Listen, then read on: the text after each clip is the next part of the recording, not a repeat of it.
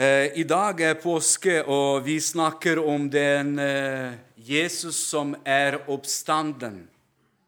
Det betyr at han var død. Og oppstandelsen, det er hjertet av kristendommen, av vår tro. Oppstandelsen, det er et hjerte av det vi tror på. Og Korfestelse og Jesu død, det forteller oss om det at vi blir renset fra våre synder, at vi blitt frigjort. Oppstandelsen forteller oss om livet og kraften vi får ifra Jesus. Oppstandelsen proklamerer til oss kraften, og kraften har livet og livet i seg har stor kraft. Du ser når eh, noen ganger eh, Jeg ser i Ukraina det ble dårlig lagt, litt på dårlig måte lagt asfalten, og så kommer det igjennom gresset og ugraset og sånn, og, så du tenker at det ble lagt stein og asfalt, og det klarer å komme igjennom. Fordi i det frøet, det er liv. Liv har kraft. Så oppstandelsen, når vi proklamerer og tror på oppstandelsen, det betyr at vi tror på livet. På evig livet som har kraft i seg til å bære oss fram til evigheten. Så det er fint å vite det, at eh, Og oppstandelsen, det forteller det at det legeme og ånden blir til sammen til en personlighet. Tilbake til en personlighet. Så, så det uforgjengelige, ånden, slår seg sammen med det som er forgjengelig med legemet, så blir det oppstandelse. Så blir det reist opp personlighet, og det kommer sammen. Og Oppstandelsen forteller oss om det at eh, døden hadde stor makt i, de, og, og her på denne jorden. Og vi leser og ser det at uh, vi var døde i våre synder.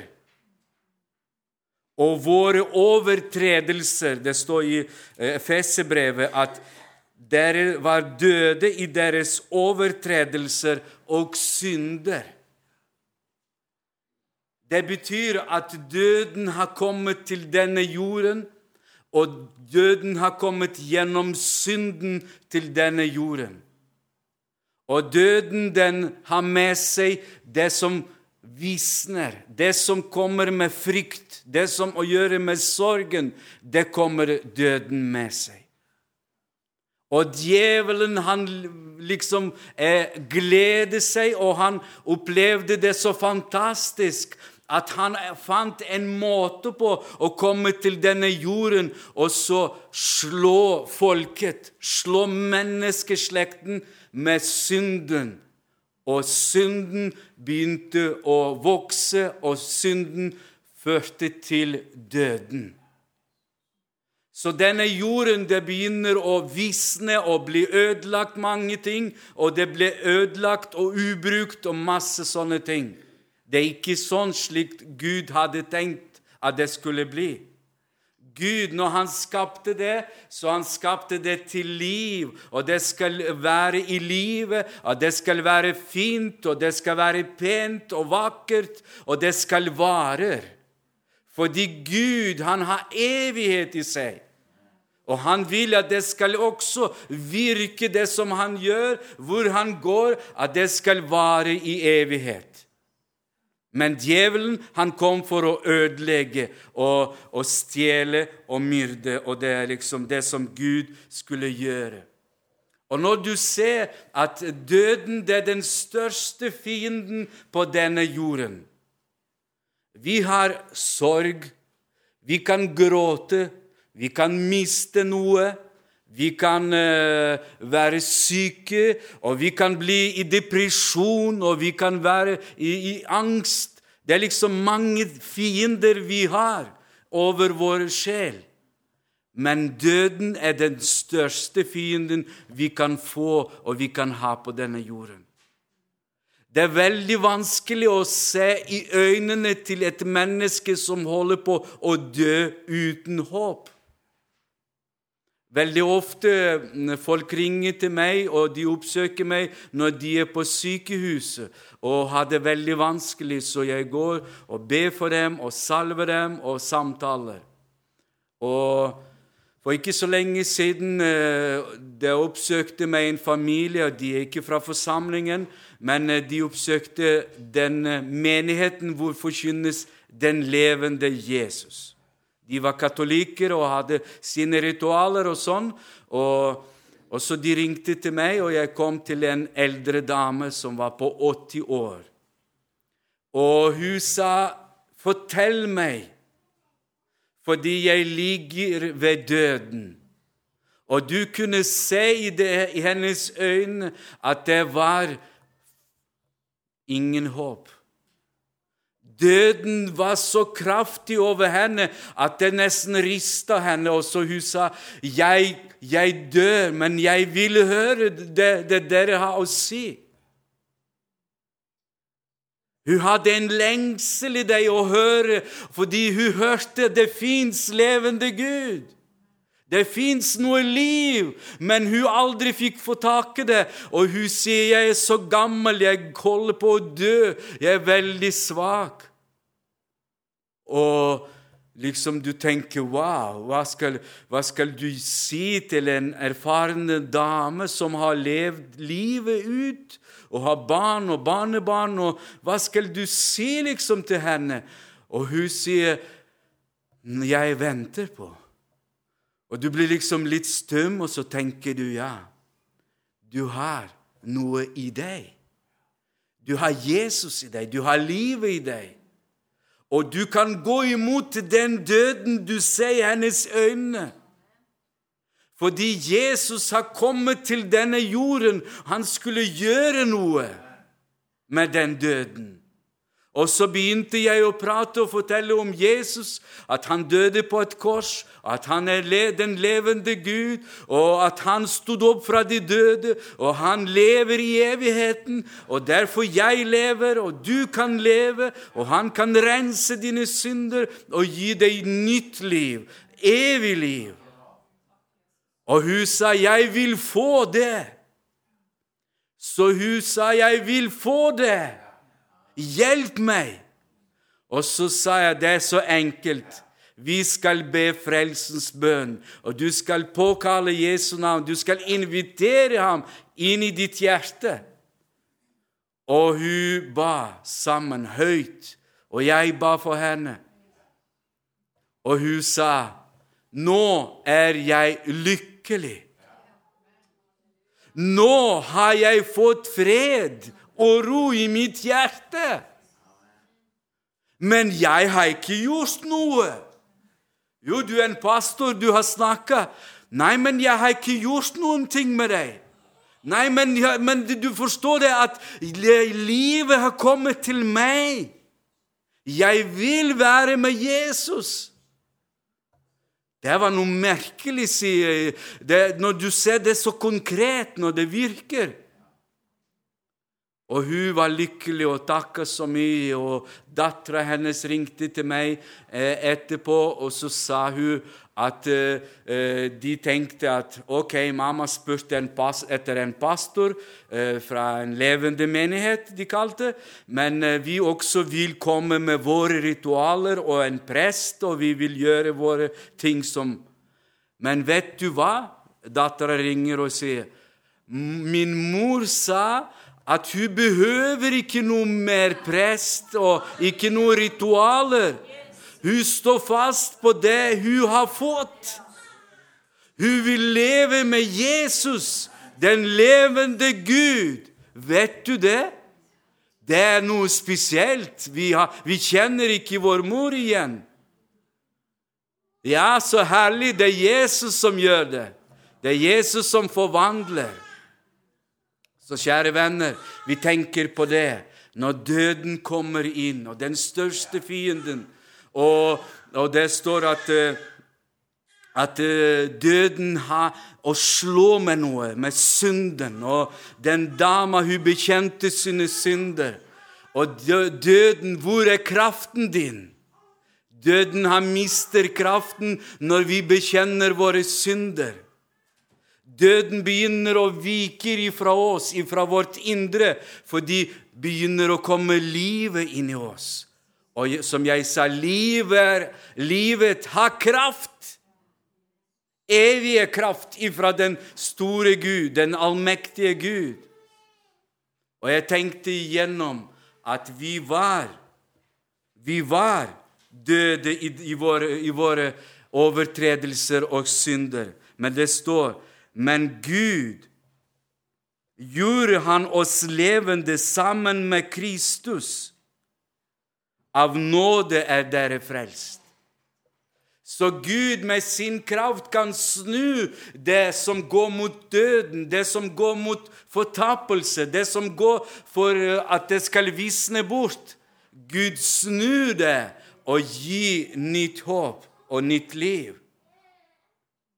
Og jeg så i den dama det livet, det ekte livet fra Jesus Kristus, som kan forvandle det. Det er ikke en pastor, det er ikke en evangelist som kan salve og be et, og gjøre noe spesielt med et menneske. Nei, det, vi skal ikke gjøre det. Vi er grenene på et tre. Skal, Gud skal bare bruke oss. Vi er hans instrumenter, og han vil bruke oss for at vi skal spre, vi skal proklamere, vi skal vise det evige liv som Jesus har kommet til denne jorden. Så jeg vil si det at Jesus har kommet til denne jorden for å overvinne synden og overvinne døden. Menneskeslekten har ligget under presset av døden. Og det står også at Jesus Jesus så at dødens lenker og dødens vær det har bundet hele menneskeslekten. Og det står at Gud reiste, Gud, Gud reiste Jesus og opp etter å ha løst dødens vær, for det var ikke mulig at han skulle bli holdt igjen av døden. Det betyr Jesus skulle ikke holdes igjen av døden. Det står i Apostlenes gjerninger 2, 24. Det står at han reiste Gud opp. Ham reiste Gud opp etter å ha løst dødens fødselsvær, for det var ikke mulig at han kunne bli holdt igjen av døden. Oppstandelsen det betyr at døden har prøvd seg, og også å begrave Jesus. Også vinne over det evige livet. Og djevelen han hoppte og danset når det var at folkemengden sa:" Korfest ham, korfest ham. Og djevelen han likte og det, og han dansa rundt folket og sa, rop, rop høyere, rop høyere, vi skal korfeste ham, han skal dø. Det blir ikke noe Jesus igjen. Men Gud hadde sin plan. Gud brukte døden ikke til at det skal bli beseiret, men Gud brukte døden til å seire over Satan. Gud brukte døden til at det skal bli beseiret, den makten. Og den største fienden menneskeslekten har, døden skal beseires. Å, det var så herlig for djevelen å se at Jesus døde på et kors. Og så uh, sier han til sine ypperste prestene og soldater og folket liksom Dere skal se nøye at han blir gravd ned, og se nøye om han døde. Å, han var død. Alle sa 'Jesus døde virkelig'. Og gikk det rykter over hele Jerusalem, Judea. Han profeten døde. Virkelig døde. Det var sant. Alle historikere sier det, at Jesus døde. Og så, så ble de lagt i en grave. Og så ble det lagt også stein, rullet til steinen til den graven. Og det står at den var veldig tung, den, den steinen.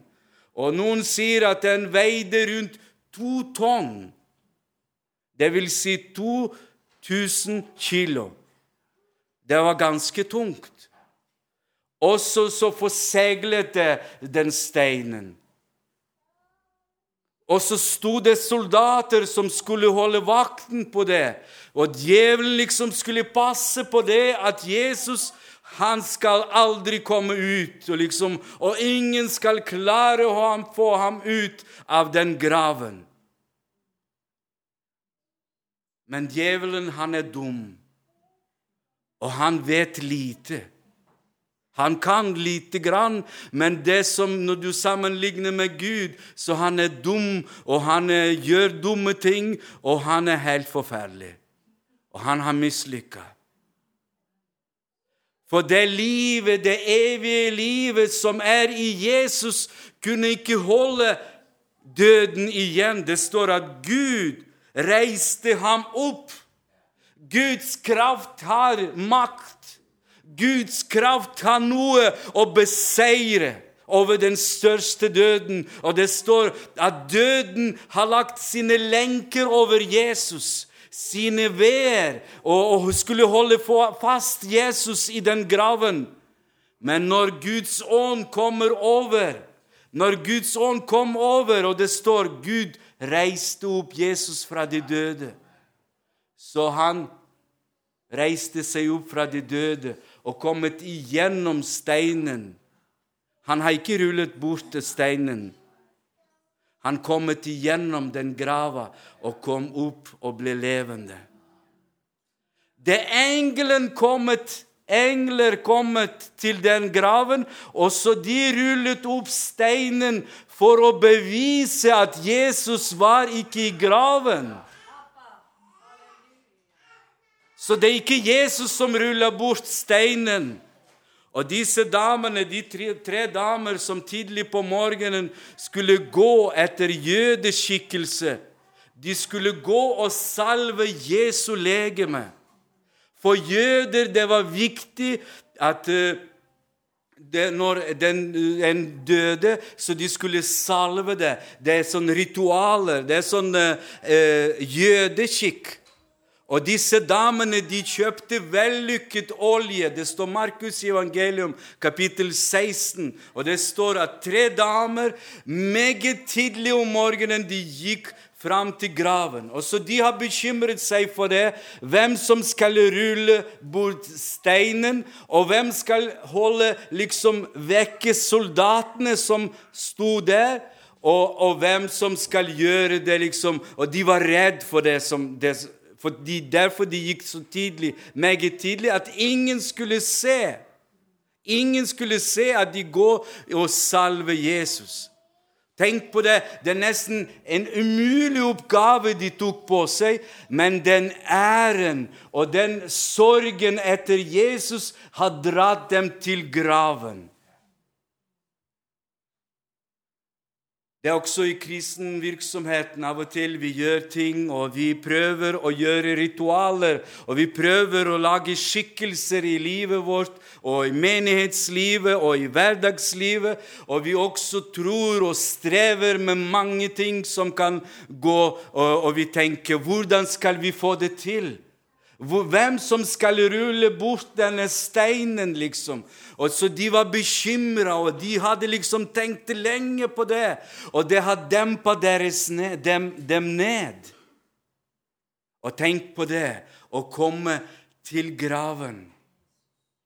Og så disse bekymringene og disse, den frykten og det andre og det andre Det var ikke behov ikke å tenke på.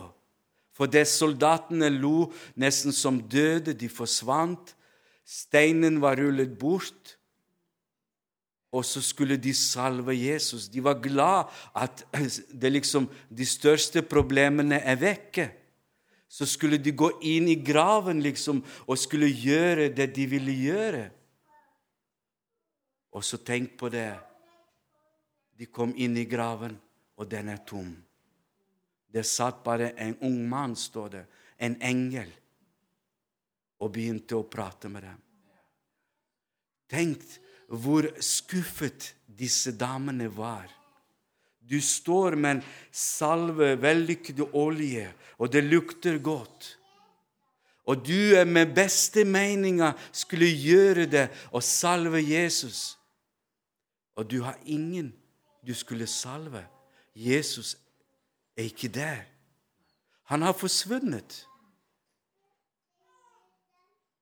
Tenk på det, at du skulle gjøre noe for Jesus. Du skulle liksom gjøre noe spesielt og ære ham, og så var han ikke der. Det er et bilde for meg også det at av og til vi lager noe skikkelse, og vi vil gjøre noe for Jesus med beste mening. Men Jesus er ikke der. Og Jesus er ikke der etter jødeskikker. Og han skulle ikke vente på det at damene skulle salve ham. Nei, vi må tenke litt over. Oppstandelsen bringer livet, bringer nye tanker. Du skal høre på Guds ord nøye. Du skal leve etter Guds ord, og du skal handle etter Guds ord. Og Jesus sa til disse damene og apostlene at dere skal ikke gå til graven for å møte meg, men dere skal gå på vei til Galilea for å møte meg der den tredje dagen. Men det gikk inn i ett øre og gikk ut av det andre øret. De hørte ikke på det. De visste at de har sine ritualer, jøderitualer. Og derfor de gikk til graven, og graven ble tom. Hva skal vi gjøre? Hvor skal vi gå? Hva skal vi gjøre? Og det er av og til til og med kristne folk kan møte tomme graven. Og de, fordi de har levd i sine gjerninger, i sine ting. Og det kan komme vanskelige perioder hvor de står ved tomme graven og sier, 'Hva skal jeg gjøre?' En dame som levde med Jesus, men etter hvert sa, 'Nei, det går greit, jeg klarer meg', og jeg kan ha Gud i hjertet mitt, og det behøves ikke noen menighet, ikke noe fellesskap. 'Jeg skal klare meg veldig fint'. Og så gikk det, gikk det etter en stund litt galt og vanskelig. Og så blir det flere menn, så blir det mye alkohol og masse problemer og vanskelig. Og det var tungt. Så kom hun til rehabiliteringssenteret, og liksom der klarte de ikke å hjelpe henne.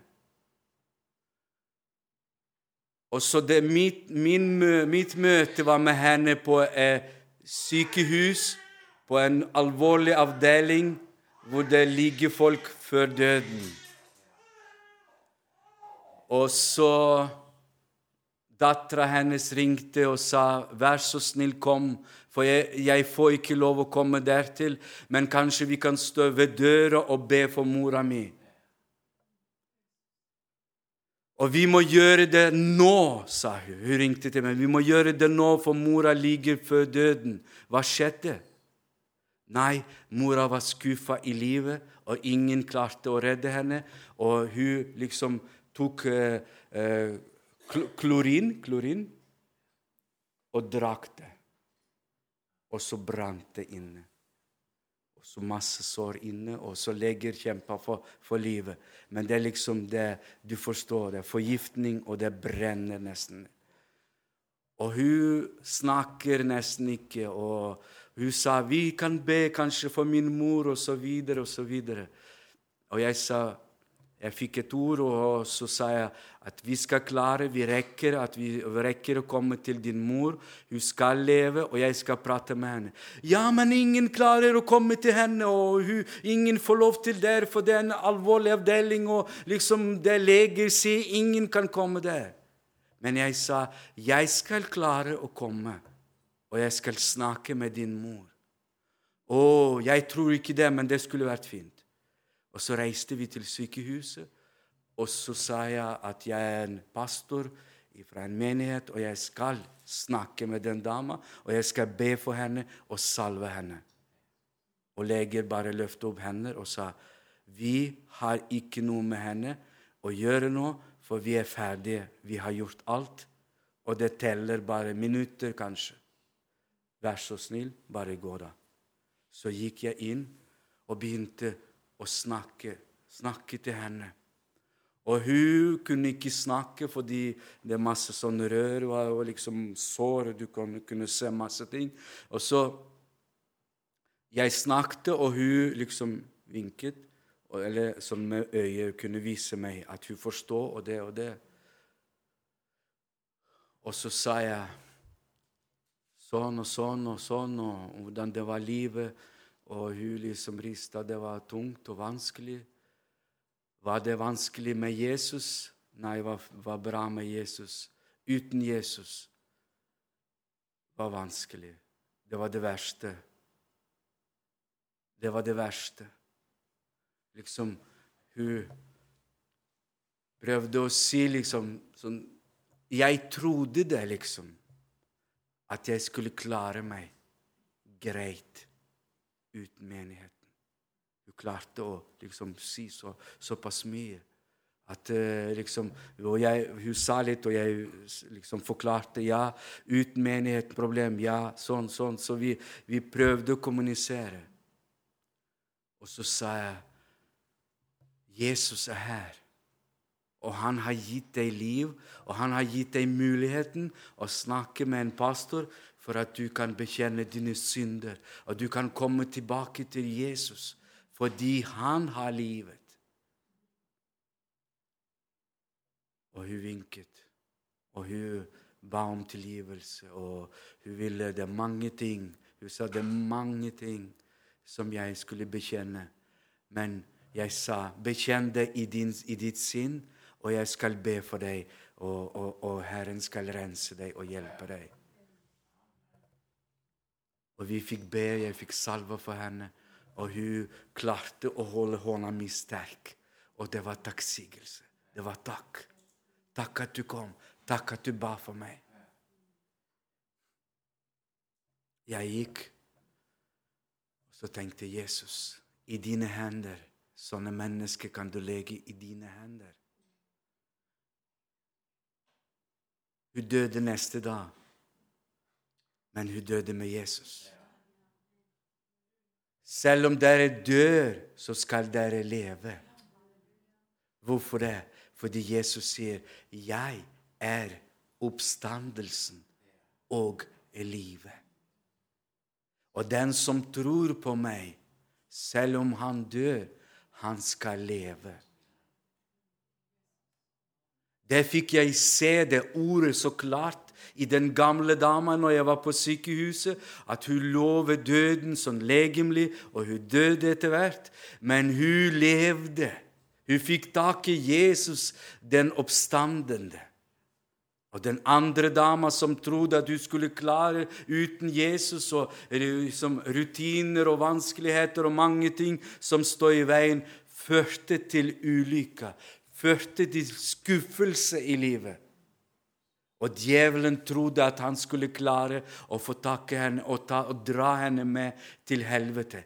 Nei, det var fantastisk at noen ringte. Det er fantastisk at noen spør og ringer, og vi reiser og vi kjører, og vi rekker det, og vi får snakke med dem, og vi kan bringe livet. Vi kan bringe seieren Døden, hvor er din makt? Synden er beseiret på Golgata. Djevelen, hvor er din kraft? Og det står at dødens brod er synden, og syndens kraft er loven.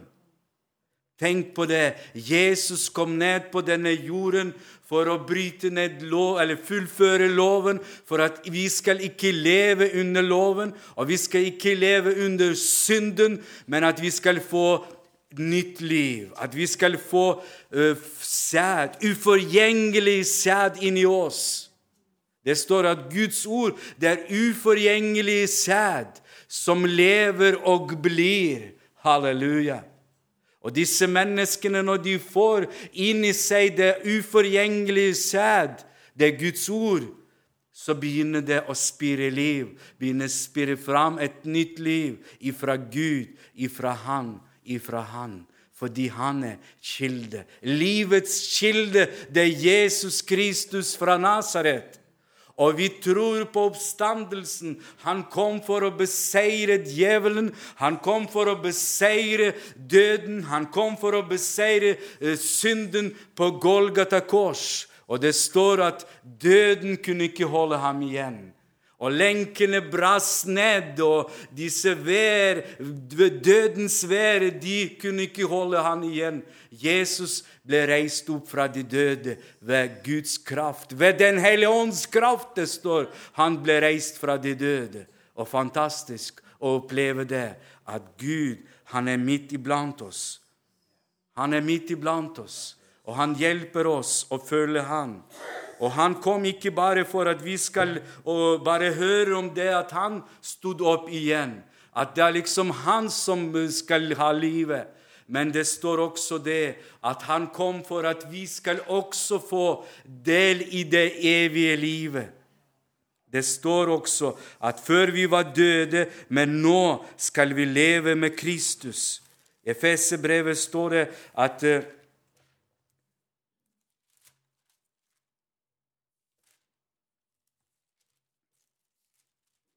som jeg leste og sa det, at eh,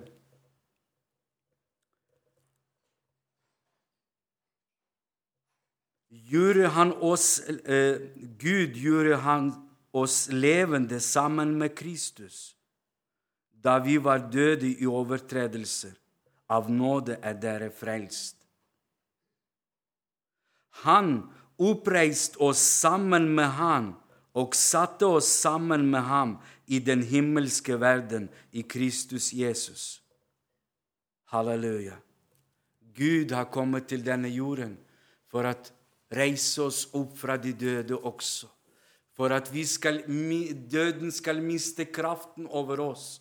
Når vi tar imot Guds ord, når vi tar imot den levende Jesus inn i livet vårt, så begynner det oppstandelsens kraft virke i oss. Fordi Jesus sier, 'Jeg er oppstandelsen'. Jeg er den kraft som snur døden fra døden til livet. Som snur fra mørket til lyset. Som snur fra sorgen til gleden. I Kristus Jesus så vi, er vi skjulte, og i Kristus Jesus blir vi reist opp igjen fordi Han lever, derfor vi skal leve. Fantastisk å vite det. Og Det står også at vi skal få det nye legemet, og det står i Korinterbrevet. Paulus skriver veldig mye om det. Jeg skal ikke forkynne fra Korinterbrevet kapittel 15. Første Korinterbrev kapittel 15 forteller om oppstandelsen, den store kapittel og 58 vers, og det er stor kapittel om oppstandelsen. Og det står også, Paulus sier, for siden døden kom ved et menneske, kom også oppstandelsen fra de døde ved et menneske. For slik som vi, er, vi alle dør i Adam, slik skal i alle bli gjort levende i Kristus. Kapittel 15 og vers 21-22. For slik som vi alle dør i Adam, legemet vårt visner. Sykdommer, vanskeligheter, og så kommer døden. Og det står når vi alle, så vi alle dør i Adam. Slik, på den samme måten, akkurat som det er, skal vi alle bli, bli, bli gjort levende i Kristus. Og når jeg står på begravelser, under forrette begravelser, så sier jeg om dette at som dere ser at menneske døde, det døde i Adam. Men det står i Guds ord slik i Kristus Jesus vi blir levende gjort. Så ta imot Jesus, kom til Jesus. Så jeg bruker dette verset under begravelseforrettelse. Og jeg, jeg forteller det til mennesker, at dere ser faktumet at mennesker dør. De dør i Adam, i det første mennesket. Men i det andre mennesker som har kommet fra himmelen, så vi blir gjort levende. Tro på Jesus, tro på det at han har liv, at han har evig liv. Og det er fantastisk når mennesker kommer til troen. Og Det står også om kroppen. Slik er det også med de dødes oppstandelse. Kroppen blir sådd i, uforgjeng, i forgjengelighet, og det blir oppreist i uforgjengelighet. Det blir sådd i vanære, og det blir oppreist i herlighet. Det blir sådd i svakhet, og det blir oppreist i kraft. Tenk på det. Jesus har kommet til denne jorden. Og selv om et menneske dør i Adam og dør i forgjengelighet, og det står at vi blir oppreist i uforgjengelighet som Jesus har fått nytt kropp, nytt legeme. Og han kunne gå gjennom vegger, og han kunne gå og Han behøvde ikke liksom kjøre bil eller sånn, bruke masse tid for å komme fra et sted til et annet sted. Nei, han gikk raskere enn en, et fly. Et nytt legeme. Nye muligheter. Det var forgjengelig fra vi har forgjengelig nå. Men det som er inni oss, og det som skal bli nytt, det blir uforgjengelig. Det som er svak og vanskelig og skrøpelig og mange problemer og sånn, det blir reist opp i kraft. Det blir nytt legeme, og vi skal leve i evigheten sammen med Jesus. Jesus lever, og han sto opp igjen. Og engelen sa til disse damene som har kommet til tomme graven, sjekk opp igjen folkeregisteret, for det fins registre for de som lever, og de som døde. Og engelen sa til dem, sjekk registeret til de døde. Dere kan bla og rulle og bla hele dagen ut, for dere finner ikke Jesus. Han er ikke i døden. Han er ikke død. Du kan ikke finne han i den registeren. Se i folkeregisteret der hvor levende folk er. Han lever. Han lever. Han lever, og han skal e leve i evighet. Et budskap som bringer oss ifra tomme graven, ifra tomme døde gjerninger til det levende gjerninger, til levende tro på Jesus Kristus. Og når de traff Jesus ved Galilea, så ropte de høyt og jubla og sa, 'Jesus, fantastisk! Dine ord er virkelig! Du har stått opp igjen!' Halleluja! Du er ikke lyver, du er ikke et menneske. Nei, du er Gud! Du har en kraft og du har beseiret døden. Ingen har gjort det før. Lasarus stod opp igjen, men han døde. Men du lever, Jesus. Å, oh, halleluja! Første grøden, han skal gå foran oss, og vi skal leve sammen med han i evigheten. Fantastisk å vite det. Halleluja. Takk og lov. Vi kunne fortsette og fortsette. Det er fantastisk. Som jeg sa, det er hjertet av kristen tro, oppstandelsen. Det er hjertet. Det liksom banker og slår kraften videre til andre tema, til andre ting i livet, i kristenlivet. Så fantastisk å tenke på det, at vi har fått oppleve den kraften. At vi får, fikk del i det som Jesus har kommet med. Så døden har ikke makt over oss. Synden, den styrer ikke oss.